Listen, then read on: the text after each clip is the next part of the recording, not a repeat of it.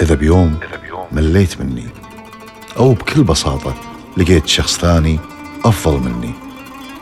لا تحاول إنك تفتعل المشاكل معاي أو تختلق عيوب ما هي فيني. لا تحاول إنك تكرهني. أو تكرهني فيك بس عشان تبتعد. فقط صارحني. فقط صارحني. قولها بوجهي إن اللي بيننا انتهى. خلنا نرحل بود ورضا. بدال لا نفترق على كراهية وعداوة. رجاء كونوا للعشرة أوفياء كونوا عند الرحيل كما كنتم عند البداية. أنقياء